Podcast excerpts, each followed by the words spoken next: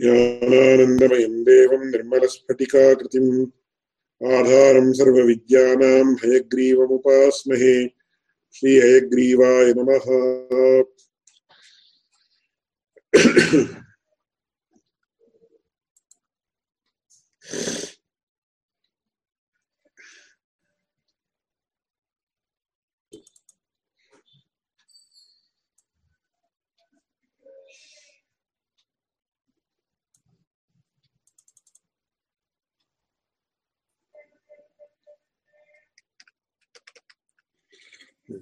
तत्र ह्यः कक्षायाः अन्ते एवं समापितम् नन्वेकं रूपं रसात् पृथक् इति गुणेऽपि गुणस्य अनुभवः वर्तते एकं रूपम् इति कथनेन रूपे सङ्ख्या अस्ति इति ज्ञायते इति समानाधिकरणप्रयोगः एकं रूपम् इति उच्यते चेत् रूपे एकत्वं वर्तते इति एवञ्च एकत्वं सङ्ख्यारूपं तस्मात् रूपे एकत्वं वर्तते। एवं रूपं रसात् पृथक् इति यदा उच्यते, तदानीं रूपे रसस्य पृथक्त्वं वर्तते, अथवा पृथक्त्वम् इति तत्र पृथक्त्वाख्यः गुणः तत्र वर्तते इति सिद्ध्यति।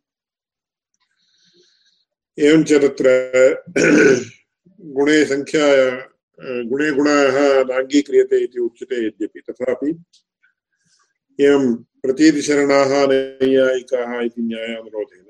एकं रूपं रसात् पृथक् इत्यादौ। कथं वा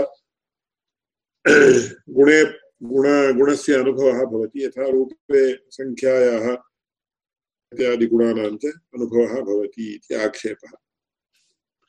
तस्य आक्षेपस्य परिहारार्थम् एवम् उच्यते।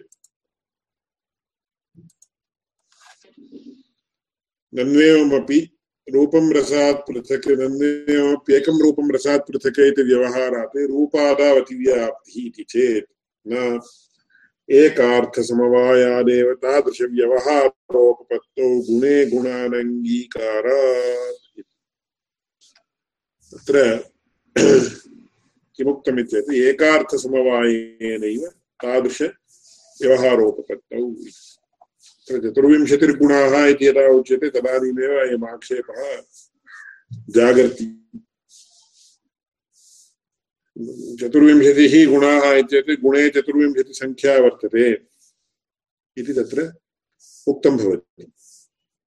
एवञ्च गुणे गुणः नाङ्गीक्रियते खलु कथम् इति चेत् तत्र प्राचीनग्रन्थेषु एवं लिख्यते स्म बुद्धि बुद्धिविशेषविषयरूपा इयं प्रतीतिः अथवा इदं ज्ञानं बुद्धिविशेषविषयरूपम् अत्र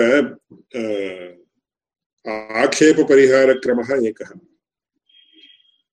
वास्तवतया प्रमेयदृष्ट्या किमस्ति इति अङ्गीकारः एकः। इदानीं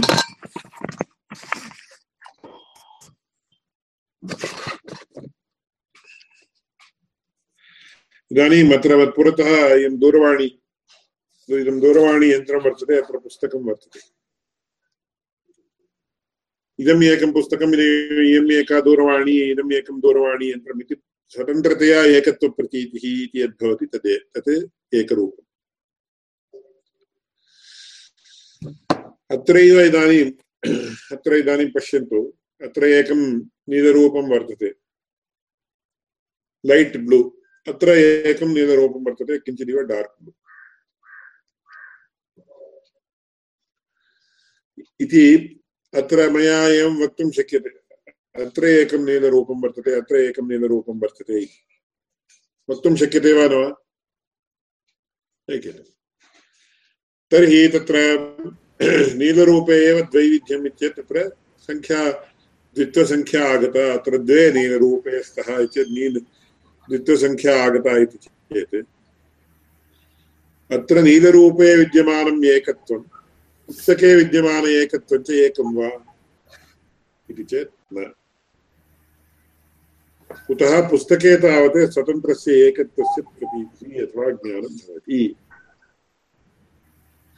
तादृशनीलरूपे तावत् स्वतन्त्रतया एकत्वं तिष्ठति वा इति न तिष्ठति। कुतः नीलरूपं नियमेन आश्रितः पदार्थः न तत्र स्वतन्त्रतया यथा पुस्तकं दीयताम् चेत् पुस्तकं दीयते, नीलरूपं दीयताम् चेत् दातुं शक्यते वा तथैव। कोऽपि वदति वा? नीलरूपं व्यवहारो वा? नीलरूपे एवं नील पुस्तकम् एवं पुस्तके क्रिया जायते तद्वत् नीलरूपे क्रिया जायते इति उच्यते वा? यद्यपि अत्र नीलरूपं वर्तते चेत् नीलरूपाश्रितपुस्तके यदा क्रिया जायते नीलरूपेपि क्रिया जायते इति वक्तुं शक्येत। परन्तु स्वतन्त्रतया बुद्धिः तथा न कार्यं करोति। अतः अस्माभिः किमुच्यते तत्र? स्वातन्त्र्येण गुणे गुणः गुणः न स्वतन्त्रः पदार्थः प्रथमतः। सः नियमेन द्रव्याश्रितः। पृथक् गुणस्य कुत्रापि द्रव्य अनाश्रितस्य गुणस्य कुत्रापि प्रतिपत्तिः अथवा ज्ञानं नास्ति, अनुभवः नास्ति। अतः एकस्मिन् अस्वतन्त्रे पदार्थे अन्यः अस्वतन्त्रः पदार्थः कथं वा स्थातुं प्रभवति? गुणे गुणानङ्गीकारात् चेत् किमर्थं नाङ्गीकर्तव्यम् इति प्रश्नः क्रियते चेत्। प्रमेयदृष्ट्या अस्माभिः किमुच्यते? इति चेत् एकस्मिन् अस्वतन्त्रे पदार्थे अन्यः अस्वतन्त्रः पदार्थः न स्वा न स्थातुं प्रभवति तयोः यद्यपि सामानाधिकरण्यं स्यात् तावदेव तयोः एकाधिकरणवृत्तित्वम् इत्येतादृशसम्बन्धः यद्यपि भवति यथा इदानीं गृहे द्रौ द्वौ पुत्रौ स्तः एकस्य अष्टौ वयः, अन्यस्य सप्तवयः।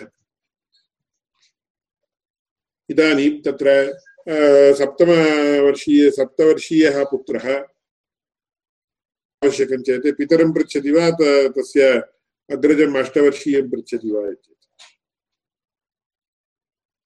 धनं वा अन्यत् किमपि आवश्यकं चेत् तदानीं पितरमेव पृच्छति। अन्यः तत्र स्वस्य एकवयः वयोधिकः अग्रजः अस्ति तं पृच्छति चेत् सः अपि अस्वतन्त्रः, सः स्वतन्त्रश्चेत् तं प्रष्टुं शक्नोति सः। अतः तत्र गुणे गुणानङ्गीकारः चेत् कोऽर्थः तत्र प्रमेयदृष्ट्या कोऽर्थः इत्येत् एकस्मिन् अस्वतन्त्रे पदार्थे अन्यः अस्वतन्त्रः पदार्थः न स्थातुं शक्नोति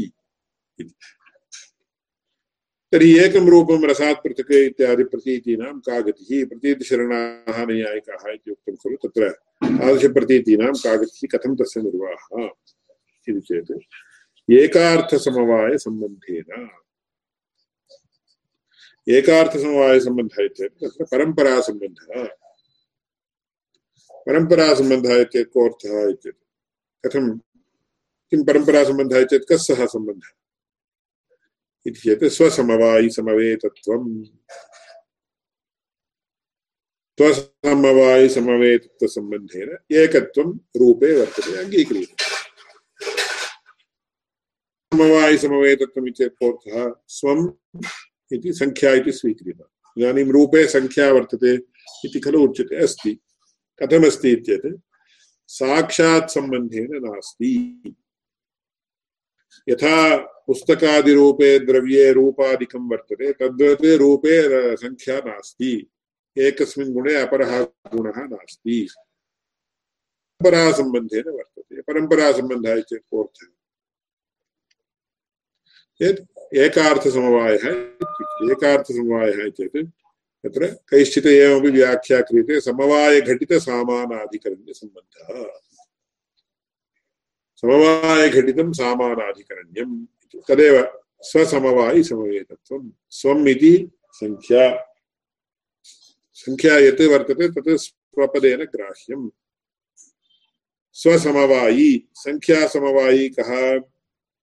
चेत् तद्द्रव्यं यथा इदानीम् अस्मिन् पुस्तके एकं रूपं वर्तते एकं नीलरूपं वर्तते इति यदि उच्यते तदानीम् एकत्व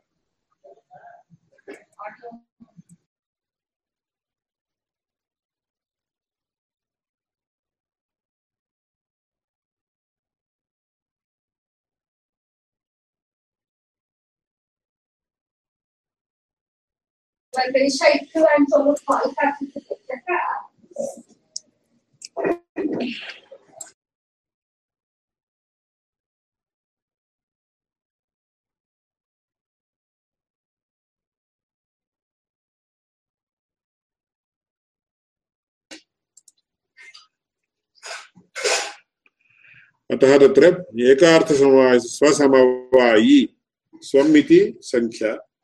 स्वसमवायी तद्द्रव्यं यथा इदानीम् इदं पुस्तकम् इति स्वीक्रियते चेत् स्वसमवायी पुस्तकम्। तत्समवेतं रूपम्। तत्र रूपं समवायसम्बन्धेन अस्ति खलु पुस्तके। अतः तत्र तत्समवेतं रूपम् इति स्वसमवायिसमवेतत्वम्। एकार्थसमवायसम्बन्धः नाम तत्र समवायघटितसामानाधिकरण्यसम्बन्धः इति चेत् अस्मिन् पुस्तके समवायसम्बन्धेन निरूपमपि वर्तते पृथक्। समवायसम्बन्धेन सङ्ख्या अपि वर्तते। अतः तत्र समवायघटितसामानाधिकरण्यसम्बन्धः इति एवं व्याख्या क्रियते कैः। अन्यैः कैश्चित् तत्र एकार्थसमवायः इत्युक्ते स्वसमवायि समवेतत्वम्। उभयोपि एकमेव स्वसमवायि समवेतत्वम् इति। यत्र सङ्ख्या समवायसम्बन्धेन वर्तते, तत्र रूपमपि समवायसम्बन्धेन वर्तते। अतः एकं रूपम् इति। एवं रसात् पृथक् इत्यत्रापि तथैव अत्र विद्यमानरूपं सङ्ख्यातः पृथक् चेत् उभयमपि तत्र पृथक्त्वमपि अस्मिन् पुस्तके तत्र समवायसम्बन्धेन वर्तते। रसः अपि समवायसम्बन्धेन वर्तते अतः तत्र आश्रयगत पृथक्त्वादिकमादाय तथा व्यवहारः इति तथापि लिख्यते। अतः स्वसमवायि समवेतत्वम्, एकं रूपं रसात् पृथक् इत्यादौ रूपे एकत्वम् अस्ति इति यदि उच्यते अस्ति, अङ्गीक्रियते। प्रतीतिः, प्रतीतिशरणाः वयं, प्रतीतिः अस्ति चेत् अङ्गीकर्तव्यमेव। परन्तु केन सम्बन्धेन अस्ति इति चेत् तत्र एकार्थसमवायसम्बन्धेन अस्ति अथवा परम्परासम्बन्धेन अस्ति समवेतत्व संबंध अतः परंपरा संबंधेन अस्माकम् अस्माकम् आचार्यैः उच्यते स्म। परंपरा संबंधेन यः कोऽपि यः यत्र कुत्रापि भवितुमर्हति। न केवलं परंपरा संबंधेन संस्कृत न्यायशास्त्रे कालिकसम्बन्धः एवं दैशिकविशेषणता सम्बन्धः इति सम्बन्धद्वयं वर्तते। कालिकसम्बन्धेन हिमालयः मम शिरसः उपरि वर्तते इति उच्यते चेत् अङ्गीकर्तुं शक्यते कालिकसम्बन्धेन सर्वः अपि सर्वत्रापि भवितुम् अर्हति कुतः सर्वाधारः कालः इति उच्यते। मम शिरसः उपरि हिमालयः वर्तते इत्येतत् कालिकसम्बन्धेन इति अङ्गीकर्तव्यम्।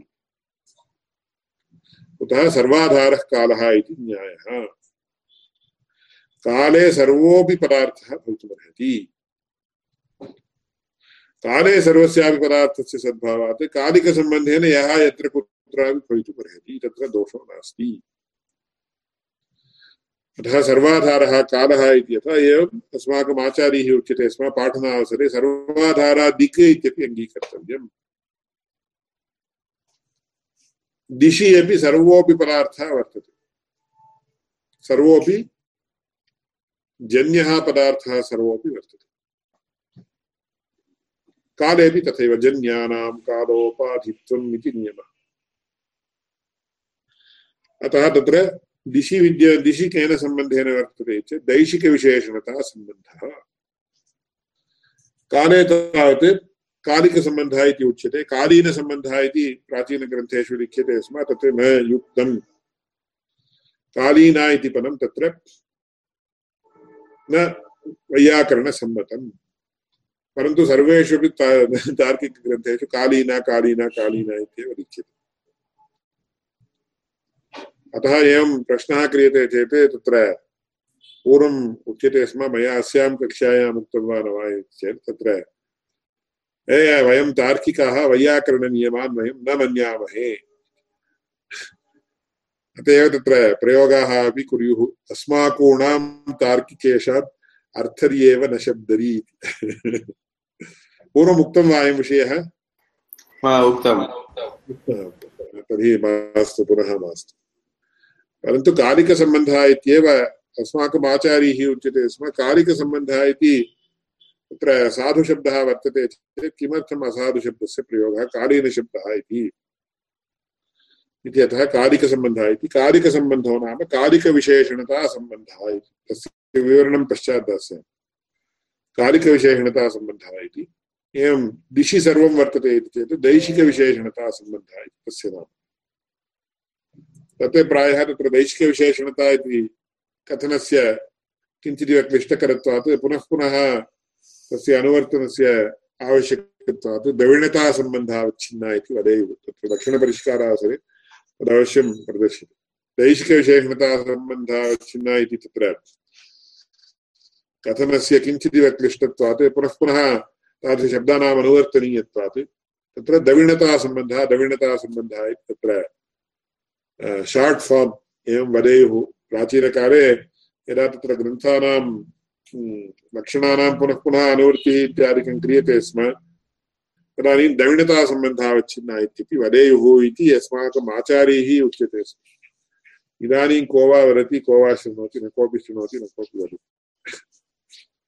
अतः प्रकृते तत्र एकार्थसमवायसम्बन्धादेव तादृशव्यवहारोपपत्तौ गुणे गुणानङ्गीकार इति एकार्थसमवायसम्बन्धः इत्येतत् तत्र परम्परासम्बन्धः स्वसमवायिसमवेतत्वसम्बन्धः कदाचित् स्वसमवायि संयुक्तत्वसम्बन्धः इत्यादिकमपि एकार्थसमवायसम्बन्धेन भवेत् इति केषाञ्चित् अभिप्रायः। इति उदाहरणान्तरेण यथा तत्र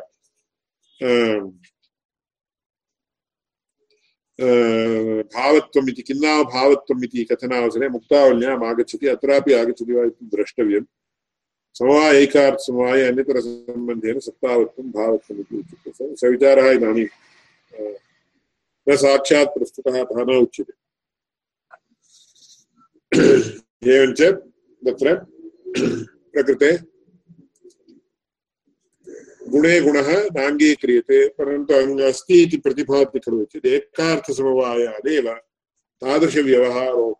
गुणे गुण अनङ्गीकार इति तत्र उक्त्वा विचारः, समापितः। परिरूपरसगन्धस्पर्शसङ्ख्या परिमाणपृथक्त्वसंयोगविभाग परत्वापरत्वगुरुत्वद्रवत्व स्नेहशब्दबुद्धिसुखदुःखेच्छाद्वेषप्रे धर्माधर्मसंस्काराश्चतुर्विंशतिर्गुणाः इति गुणं विभजते रूपेति। द्रव्यकर्मभिन्नत्वे सति सामान्यवान् गुणः। गुणत्वजातिमान् वा। ननु लघुत्वमृदुत्वकठिनत्वादीनां विद्यमानत्वात्, कथं चतुर्विंशतिर्गुणाः इति चेत्, न, लघुत्वस्य गुरुत्वाभावरूपत्वात् मृदुत्वकठिनत्वयोः अवयवसंयोगः विशेषरूपत्वात् अतीव सङ्ग्रहेण समापितम्। अत्र विचारः द्रव्यकर्मभिन्नत्वे सति सामान्यवत्वम् इति। अत्र द्रव्यकर्मभिन्नत्वे सति सामान्यवत्वम् इति दलद्वयं वर्तते। अथवा तत्र दलत्रयम् इत्यपि स्वीकर्तुं शक्यते। तत्र गुण गुणस्य लक्षणं किं जातिमत्वम्। इति प्रथमतः स्वीक्रियते चेत् कुतः जातिः कुत्र कुत्र वर्तते, जातिः अथवा सामान्यं त्रिषु पदार्थेषु वर्तते, द्रव्ये गुणे कर्मणि च। द्रव्ये गुणे कर्मणि च विद्यमानत्वात् जातिमत्वम् इति उच्यते चेत् गुणे यद्यपि लक्षणसमन्वयः भवति, तथापि द्रव्ये गुण कर्मणि च अतिव्याप्तिर्भवति। अतः तद्वारणाय किं कर्तव्यं। द्रव्यकर्म भिन्नत्वे सति जातिमत्वम्। Different from dravya and karma but possess the padartha called jati इति एवं तत्र दलद्वयं। द्रव्यकर्मभिन्नत्वम् इति तावन्मात्रोक्तौ कुत्र किं भवति?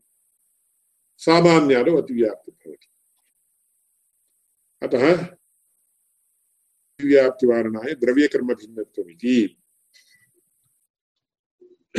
द्रव्ये कर्मणि च अतिव्याप्तिवारणाय। न, द्रव्ये कर्मणि च अतिव्याप्तिवारणाय द्रव्यकर्मभिन्नत्वमिति सामान्यादौ अतिव्याप्तिवादिनः जातिमत्वम् इति कुतः जाति सामान्यादौ जातिर्नास्ति इति तत्र द्रव्यकर्मभिन्नत्वे सति जातिमत्वम् अथवा द्रव्यकर्मभिन्नत्वे सति सामान्यवत्वम् इति तत्र गुणस्य लक्षणम्।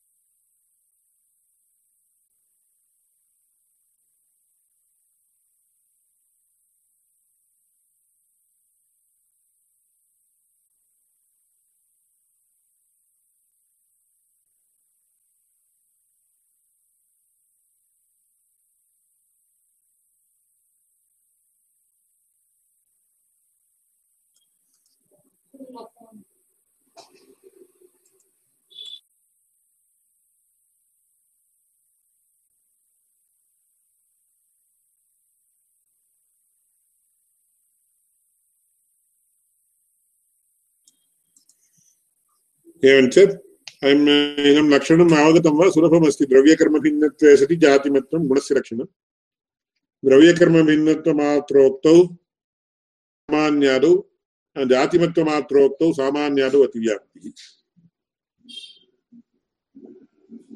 अतः तत्र द्रव्यकर्मभिन्नत्वमात्रोक्तौ अपि सामान्यादौ अतिव्याप्तिः अतः तत्र द्वयमपि देयं जातिमत्वे सति द्रव्यकर्मभिन्नत्वम् तदुपरि कुतः प्रश्नः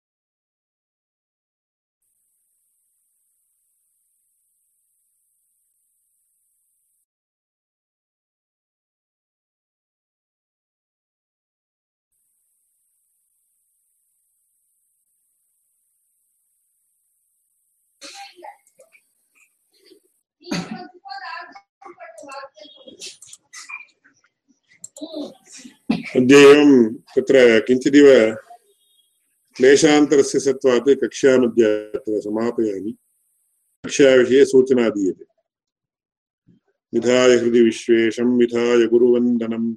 बालानां सुखबोधाय क्रियते तर्कसङ्ग्रहः। समयं, देवं, निर्मलस्फटिकाकृतिम्। आधारं सर्वविद्यानां हयग्रीवोपास्महे। श्रीहयग्रीवाय नमः।